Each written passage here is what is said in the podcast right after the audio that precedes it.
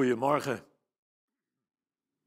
Het thema van de dienst, van de overdenking deze morgen is een nieuw jaar, nieuwe kansen. Het is uh, natuurlijk weer vreemd om, om het zo te hebben.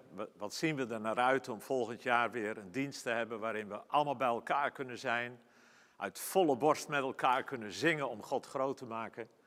Waar je na de dienst koffie kan drinken, met elkaar kan praten, elkaar een huk kan geven. Wat zien we daar ontzettend naar uit. maar totdat het zover is, uh, doen we het zo. En ik uh, doe maar net alsof ik bij je in de kamer ben en dat ik zo met je kan praten. Um, en dan uh, wil ik het ook maar over jij en jou hebben. En ik heb een, om het wat persoonlijk te maken, ook nog een kerstkaart voor je meegebracht. Met de beste wensen. Hele mooie foto van Giethoorn, waar ik 40 jaar vlakbij gewoond heb. Toen was het nog mooi bevroren. Wat zien we daar naar uit? En werd er geschaatst. Die kaartje zet ik hier neer. Dan uh, weet je hem straks te vinden. Um, we sluiten het jaar af. En um, ja, nou denk ik, uh, sommigen denken misschien, Jordi Joop Strietman, die is hier van jaar al zo vaak geweest. Vorige week was hij hier ook al. Dan zeg ik maar zo, het is nog 30 minuten, hou nog even vol. En dan zit het dit jaar allemaal weer helemaal op. En dan kijken we uit naar het nieuwe jaar. Um, we gaan weer uh, praten over Jezus vanmorgen. Met kerst uh, zei iemand mij in verband met de kerstballen van kerstmis. Een kerst zonder Jezus, daar is geen bal aan. En ik dacht, ja, dat is een hele goeie. Want zo is het ook.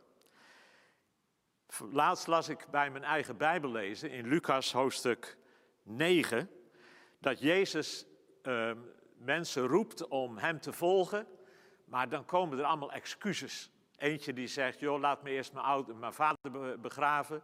Ander zegt, uh, joh, laat me eerst afscheid nemen van, van mijn familie. En dan zegt Jezus deze indringende woorden. Wie de hand aan de ploeg slaat en achterom blijft kijken, is niet geschikt voor het koninkrijk van God. En die woorden die spraken mij aan. Als je achterom blijft kijken, dan ben je niet geschikt voor het koninkrijk van God. Ik kom uit een agrarische familie en ik weet dat als je de hand aan de ploeg slaat, maar je gaat achterom kijken om te ploegen, dan wordt het niet veel. Je moet vooruit kijken. En God roept ons, Jezus roept ons ook om vooruit te kijken. Als we dit jaar afsluiten, natuurlijk kijk je terug. En ik hoop dat velen kunnen terugkijken om misschien te midden van verdrietige dingen ook dingen te zien waar je ontzettend dankbaar voor kunt zijn.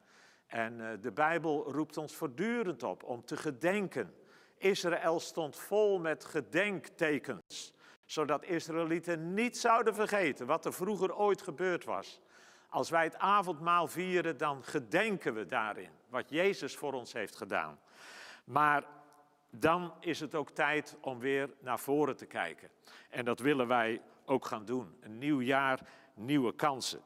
De vorige week en deze week, die, die, die twee diensten, die zijn eigenlijk helemaal met elkaar verbonden. De vorige keer hadden we het over hou vast, over het fundament. En nu gaan we kijken naar uh, wat je daarop bouwt over ons leven.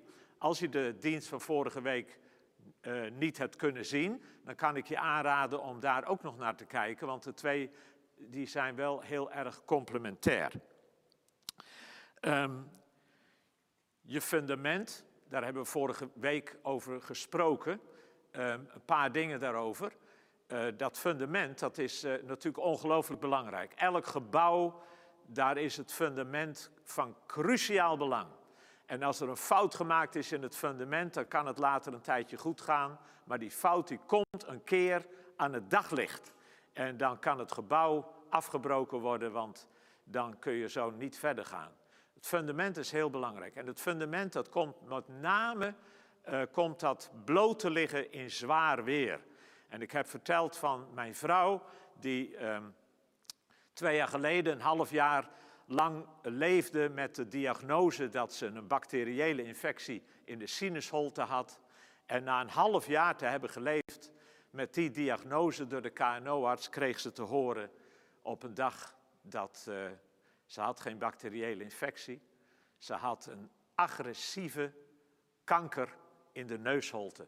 Een zeldzame vorm ook, die in het grote Meander ziekenhuis in Amersfoort hooguit eens per jaar een keertje langskomt. Die avond kwam de KNO-arts, en dat respecteer ik heel erg in haar, bij Annie om haar excuses aan te bieden. En ze zei, mevrouw Strietman, het spijt me zo dat ik dit half jaar, dat er nooit een belletje is gaan rinkelen. Wat u hebt is ook zo zeldzaam. En toen zei mevrouw, en dat is ook groots, die zei, ik heb altijd het gevoel gehad dat u er niet achter kon komen. Maar, zegt ze, ik neem u niets kwalijk. Want mijn geloof in God ligt als een sterk fundament onder mijn leven. En dan denk ik, wat had jij gezegd? Als jouw leven in elkaar gedonderd was, wat blijft er dan over van jouw geloof? Wat ligt er dan als fundament onder jouw leven? Dat is een uitdagende vraag om daar voor jezelf over na te denken. De vorige keer hebben we dat in de dienst dus ook gedaan. En toen heb ik gezegd dat ik dat ook veel gedaan heb. En dat ik tot de conclusie gekomen ben dat wat mij betreft er in ieder geval drie dingen te noemen zijn. In de eerste plaats ligt als een onwrikbaar ankerpunt onder mijn leven de betrouwbaarheid van het getuigenis van de apostelen. En toen heb ik een dominee aangehaald, die nu 2000 jaar na Jezus niet in God gelooft, niet gelooft dat Jezus uit de dood is opgestaan, ook niet gelooft dat het leven zinvol is, maar dat we maar toevallig zijn ontstaan, na een lang evolutionair proces, zonder bedoeling, zonder doel. En iedereen roept en kraait, en wie geloof ik dan? Wel, als ik iemand moet geloven die nu 2000 jaar na Jezus leeft, of de apostelen, die schrijven, we schrijven je wat we gezien en gehoord hebben, we zijn erbij geweest, dan is die keus voor mij snel gemaakt. Ik heb geen enkele reden om de apostelen te wantrouwen. Zij hebben het met hun leven betaald. Ze zijn er om, om, om vermoord. En ze hebben allemaal stand gehouden. Dit was hun verhaal. Dat was de waarheid. En ik geloof dat ook. En ik heb geen enkele reden om daaraan te twijfelen. In de tweede plaats, zij hebben het over Jezus. Dat is mijn tweede ankerpunt, de persoon van Jezus. Zo mooi, zo aanbiddenswaardig, zo om van te houden, zo om van onder de indruk te zijn. Emanuel Rutte, de wiskundige atheïst, die eh, ging de evangelie lezen en toen werd hij zo geboeid door Jezus, toen zei hij letterlijk, toen dacht ik, van hem wil ik meer aan de weet komen. Nu is Emanuel Rutte, doceert filosofie aan de VU in Amsterdam en is een uitgesproken christen. Jezus maakte het verschil. En dan in de derde plaats, eh, de apostel Johannes die zegt, als je gelooft, dan heb je het getuigenis in je. De Heilige Geest in mijn hart zegt voortdurend, dit is het, dit is het. Dat weet ik. En uh, dat, is, dat, dat is mijn fundament. Eerst het fundament en dan bouwen. Je gaat niet bouwen zonder fundament. Als uh, jij nou zou sterven en je komt bij de hemelpoort en de Heere God zou jou vragen, joh, waarom, waarom zou ik jou nou binnen moeten laten? Wat zou jij dan zeggen? Eerlijk. Ik denk dat heel veel van ons de neiging hebben om dan een opsomming te gaan maken van al de goede dingen die we hebben gedaan. De dingen waar we trots op zijn. De dingen waarvan we zeggen van nou moet je eens even kijken, dat heb ik toch maar even goed gedaan. Weet je, ik heb een ontdekking gedaan.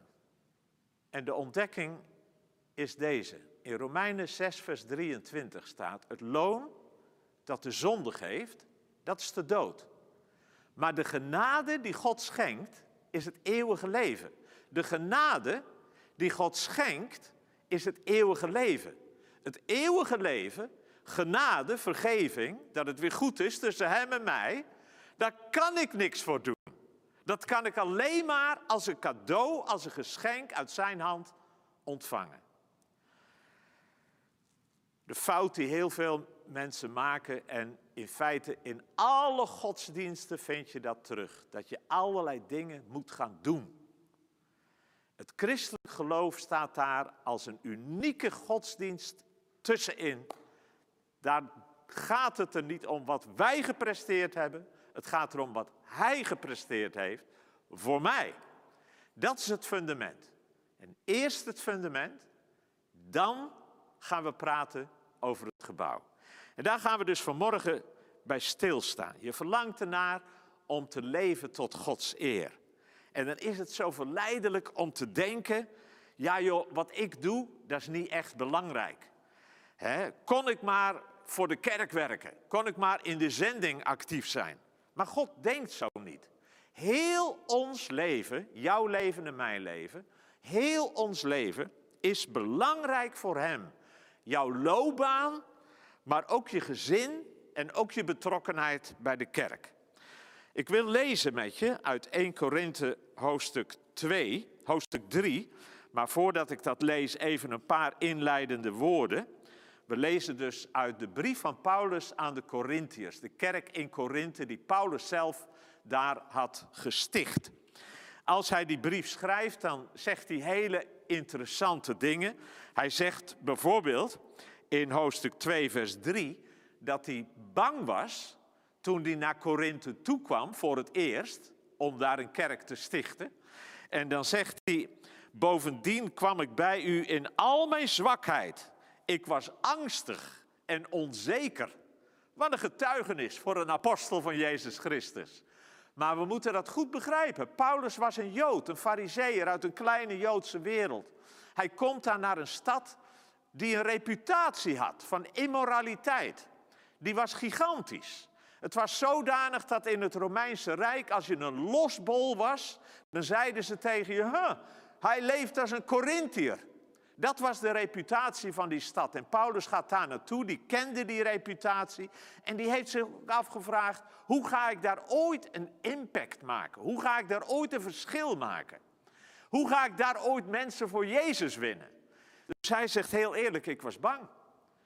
En dan uh, heeft hij nagedacht toen hij daarheen ging, wat, van wat ga ik daar vertellen? En dan vinden we daarover in hoofdstuk 1, ehm, in vers 22, dan zegt hij, de Joden vragen om wonderen, de Grieken zoeken wijsheid, maar wij verkondigen een gekruisigde Christus. Voor Joden aanstootgevend, voor de heidenen dwaas. Paulus die zegt, de Joden die verlangen wonderen. Wel nu, dat hebben de Joden gekregen. Meer dan enig ander volk hebben ze de meest opzienbarende wonderen meegemaakt. In alles wat Jezus heeft gedaan. En het is interessant om dan te concluderen dat er staat in de Bijbel, hij kwam tot de zijnen, maar de zijnen hebben hem niet aangenomen. Sommigen denken soms, als we maar weer wonderen zouden zien, zouden meer mensen geloven. Als je dit zo leest, kun je daar vraagtekens bij stellen. En dan staat de, de, de, de Grieken, die, die, die verlangen wijsheid. De Grieken hadden hun filosofen, die hadden hun beroepsredenaars. Als je naar ze luisterde, moest je betalen, entree betalen, om naar de redenaar te luisteren.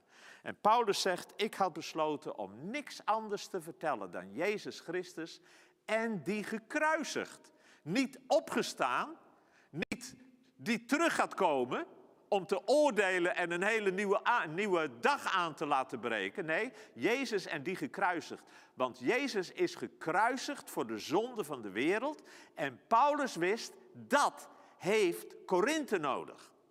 En zo komt hij daar en dan zegt hij, hè, en dan wint hij mensen tot, tot geloof in Jezus. Er ontstaat een kerk en dan schrijft hij later aan de kerk deze brief. 1 Korinthe 3, vers 10 tot 12.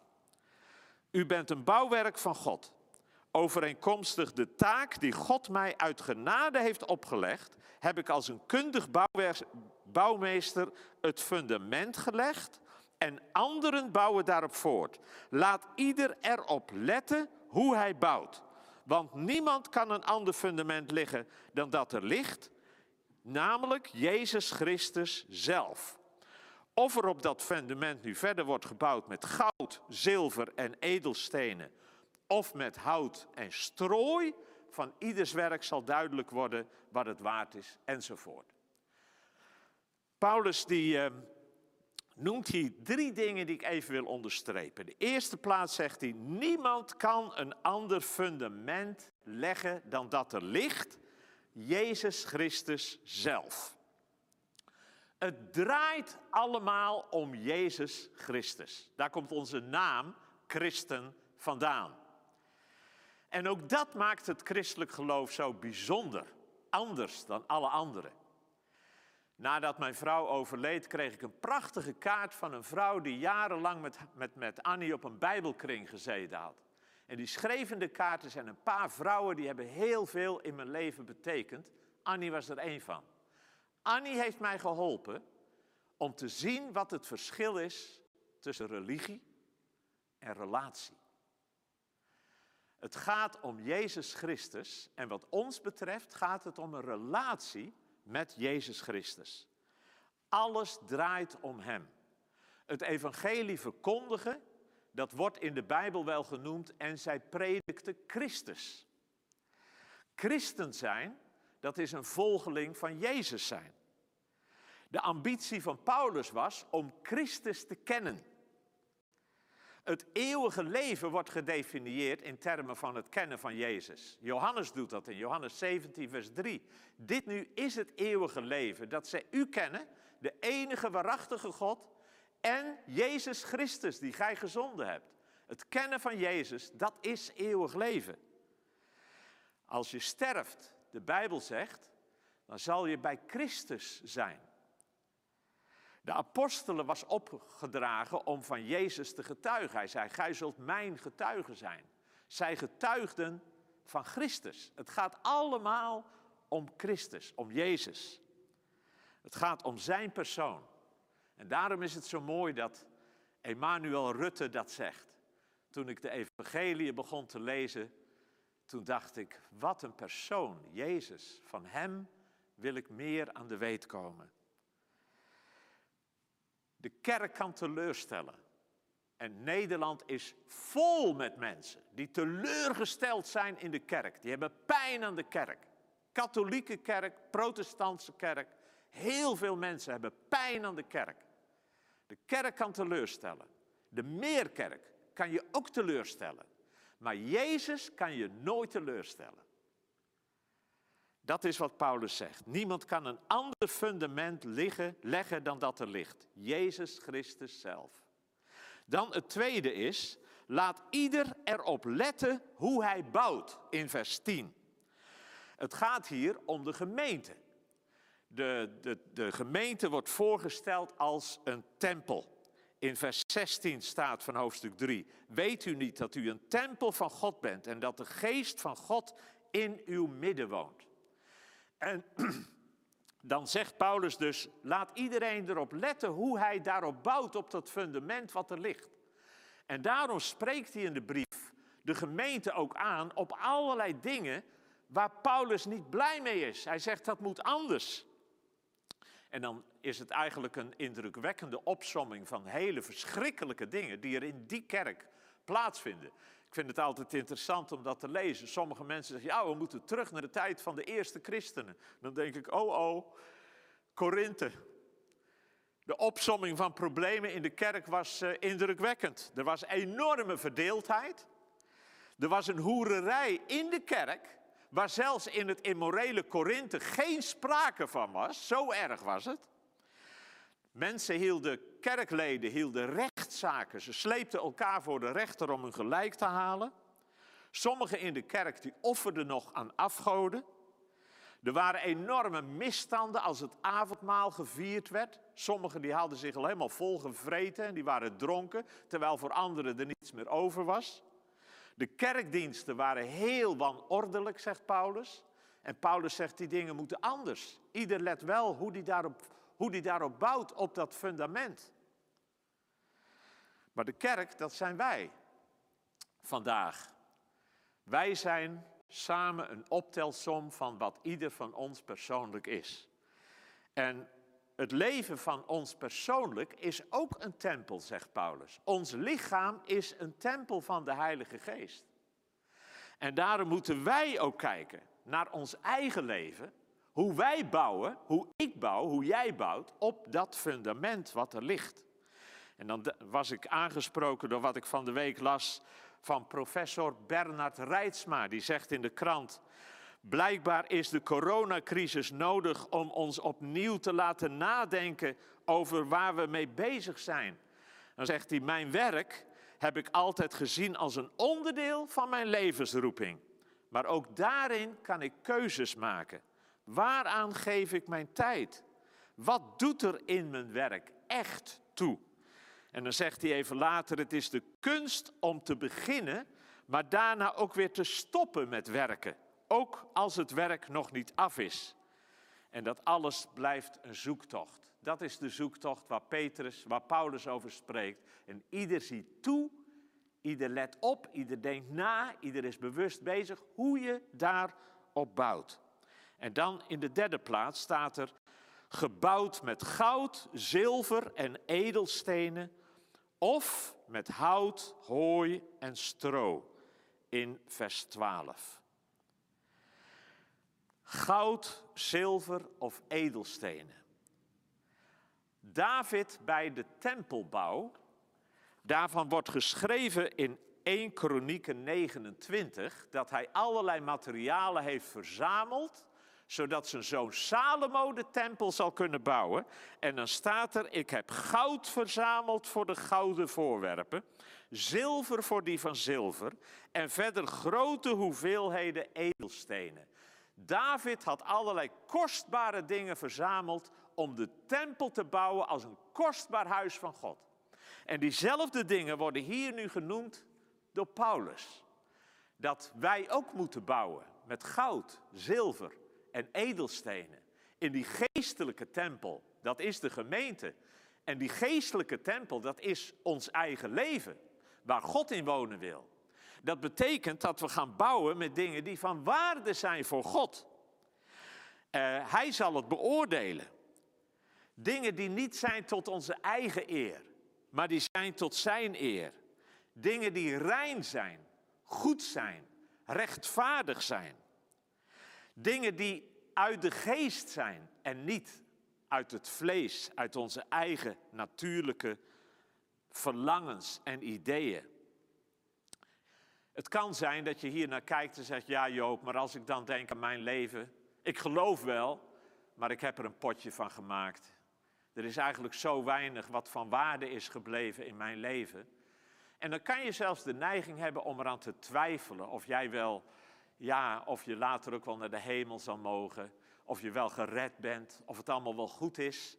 Dan hebben deze, deze teksten die wij hier gelezen hebben en, nog net niet gelezen hebben, die zijn ook hoopvol. Want er staat uh, in vers 14, als iemands bouwwerk blijft staan, dan zal die worden beloond. er is ook een beloning voor de kwaliteit van het leven wat we geleid hebben. Maar wanneer het verbrandt, dan zal hij daarvoor de prijs betalen. Hij zelf zal echter worden gered, maar door vuur heen. Denk niet te snel, ik heb er een potje van gemaakt. Zal ik wel behouden worden? Zal ik wel naar de hemel gaan? Nee, als je je vertrouwen op Jezus stelt, zul je nooit beschaamd uitkomen. En natuurlijk zal het voor de een weer anders zijn later als voor de ander. En in die zin zal het later in de eeuwigheid, zullen we ook meenemen wat we hier op aarde gedaan hebben. Maar twijfel niet aan je behoud en aan je redding in de Heer Jezus als je op Hem vertrouwt. Ook als je een leven hebt gehad waarvan je zegt, ik heb weinig om trots op te zijn. Hoe ziet ons leven eruit anno 2020, 2021? Bestaat dat uit kostbaar, goud, zilver en edelstenen? Of is het waardeloos?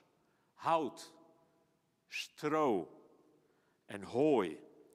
Is het bouwwerk kostbaar en in lijn met de Bijbel? Is het vrucht van de Heilige Geest? Is het geboren uit een omgang met God, wandel met God? Is het tot Zijn eer en niet tot de mijne? Of is het waardeloos? Is het meer mijn eigen bedenksel? Is het opgedrongen vanuit de samenleving? Is het voortkomend uit mijn natuurlijke leven? Is het tot eigen eer en slechts tot eigen belang? Al dat laatste, dat gaat de test niet doorstaan. In Colossense 3, vers 23 daar vinden we deze indringende woorden. Wat u ook doet, doe het alsof het voor de Heer is. Wat u ook doet. En die tekst in de Colossensebrief, die staat in de context waar Paulus schrijft over allerlei dingen. Hij schrijft daar over de manier van omgang met elkaar binnen de kerk. Hij schrijft daar over een houding van dankbaarheid. Hij schrijft daar over ons Bijbellezen. Hij schrijft daar over ons zingen. Hij schrijft daar over het omgaan van de vrouw in relatie met de man. Hij schrijft over de relatie van de man ten opzichte van de vrouw. Hij schrijft daarover vaders tegenover kinderen. Hij schrijft daarover kinderen tegenover ouders. Hij schrijft over werknemers in hun omgang met werkgevers en werkgevers in hun omgang met werknemers. Hij schrijft over ons gebedsleven. Hij schrijft over onze relatie met mensen buiten de kerk. En dan zegt hij: alles wat je doet, doe het voor de Heer. De Griekse filosofen die hadden hun aangepraat. Aardse dingen zijn slecht, geestelijke dingen, die zijn goed. Paulus veegde de vloer mee aan. Alles wat we doen, aardse, geestelijke dingen, alles is belangrijk voor de Heere God. Alles wat je doet, doe het als voor de Heer. Eerst het fundament en dan bouwen.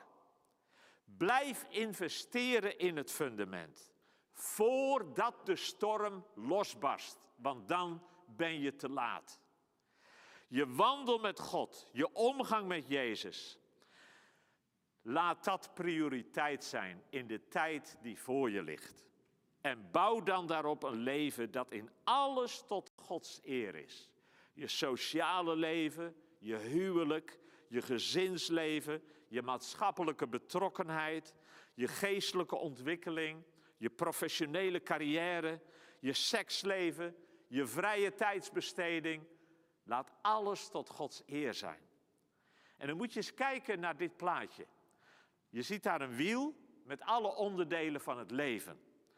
En eh, ik zou willen dat je dat eens meeneemt bij de jaarwisseling, of misschien de eerste dagen van het nieuwe jaar, of nu vandaag. En dat je zo eens naar je leven kijkt, naar al die onderdelen van je leven. Je gezinsleven, je financiën, je ontspanning, je werk, je loopbaan, maar ook je geestelijke ontwikkeling, je betrokkenheid bij kerk en samenleving, jouw persoonlijke groei en ontwikkeling, je fysieke gezondheid. En eh, stel jezelf dan eens de vraag, waar kan ik dankbaar voor zijn? Voor elk van die onderdelen. Waar kan ik dankbaar voor zijn? Je kunt dat er zelfs bij schrijven. En dit plaatje, de bedoeling is dat het op de website van de Meerkerk komt. Dan kun je dat er later nog eens bij pakken. Hoef je het nu niet allemaal op te schrijven. Maar dan kun je dat erbij pakken en schrijf er dus op waar ben je dankbaar voor. Stel jezelf dan eens de vraag, joh, wat zou eigenlijk beter kunnen? En schrijf dat dan ook op. Wat zou beter kunnen? En tenslotte, als ik nou denk aan het nieuwe jaar, wat is nou een doel wat ik me zou willen stellen op dat bepaalde gebied voor het nieuwe jaar? En wat prachtig is als je getrouwd bent als man en vrouw om dat samen te doen. Om dan met elkaar uit te wisselen van joh, wat heb jij opgeschreven en wat, ik, wat heb ik opgeschreven? En met name om dan later die doelen eens op te schrijven en ze te bewaren op een plekje waar je ze regelmatig tegenkomt. Je kunt ze als een boekenlegger in je Bijbel houden. Want als het heel concreet is en het is opgeschreven, dan is het ook veel meer kans dat je er ook werkelijk werk van zult gaan maken om het te doen. Het is een nieuw jaar met nieuwe kansen. En dan hoop ik dat je zo zegen ervaart als je na gaat denken over je leven in het licht van wat we gelezen hebben. Niemand kan een ander fundament leggen dan dat er ligt. Jezus Christus zelf. Laat ieder erop letten hoe hij daarop bouwt. En ik wens je toe voor het nieuwe jaar, ik wens mezelf dat toe, ik wens jou dat toe, dat we dan in het nieuwe jaar zo mogen bouwen dat er heel veel in ons leven meer en meer zal zijn, dat echt tot eer van God zal zijn. En kijk dan echt naar je hele leven. Denk niet dat het alleen gaat om bidden en Bijbel lezen en naar de kerk toe te gaan. Nee, het gaat ook om je huwelijk. Hoe staat het ervoor met je huwelijk? Kunnen de dingen beter? Praat daarover met je vrouw. Eerlijk. Wees eerlijk. En als je samen zegt van joh, we komen er niet uit. Maak het een doel dit nieuwe jaar om hulp te gaan zoeken. En als je denkt aan je, aan je, aan je werk in relatie tot je gezin. En je komt tot de conclusie, ja, eigenlijk sneeuwt mijn gezin te veel onder. Mijn werk slukt me, slokt me zo volkomen op. Misschien moet je dit jaar na gaan denken om daar verandering in aan te brengen. En doe dat dan ook. Want heel je leven is belangrijk voor de Heere God. En Hij verlangt ernaar dat jouw hele leven, en dat mijn hele leven, tot eer zal zijn, meer en meer en meer van Hem. Zullen we samen een moment nemen om te bidden en te danken? En eigenlijk stel ik voor dat voordat ik sluit met gebed, dat we een moment nemen om gewoon voor jezelf in de stilte van je eigen hart hier ook op te reageren. En dan sluit ik af met een kort gebed.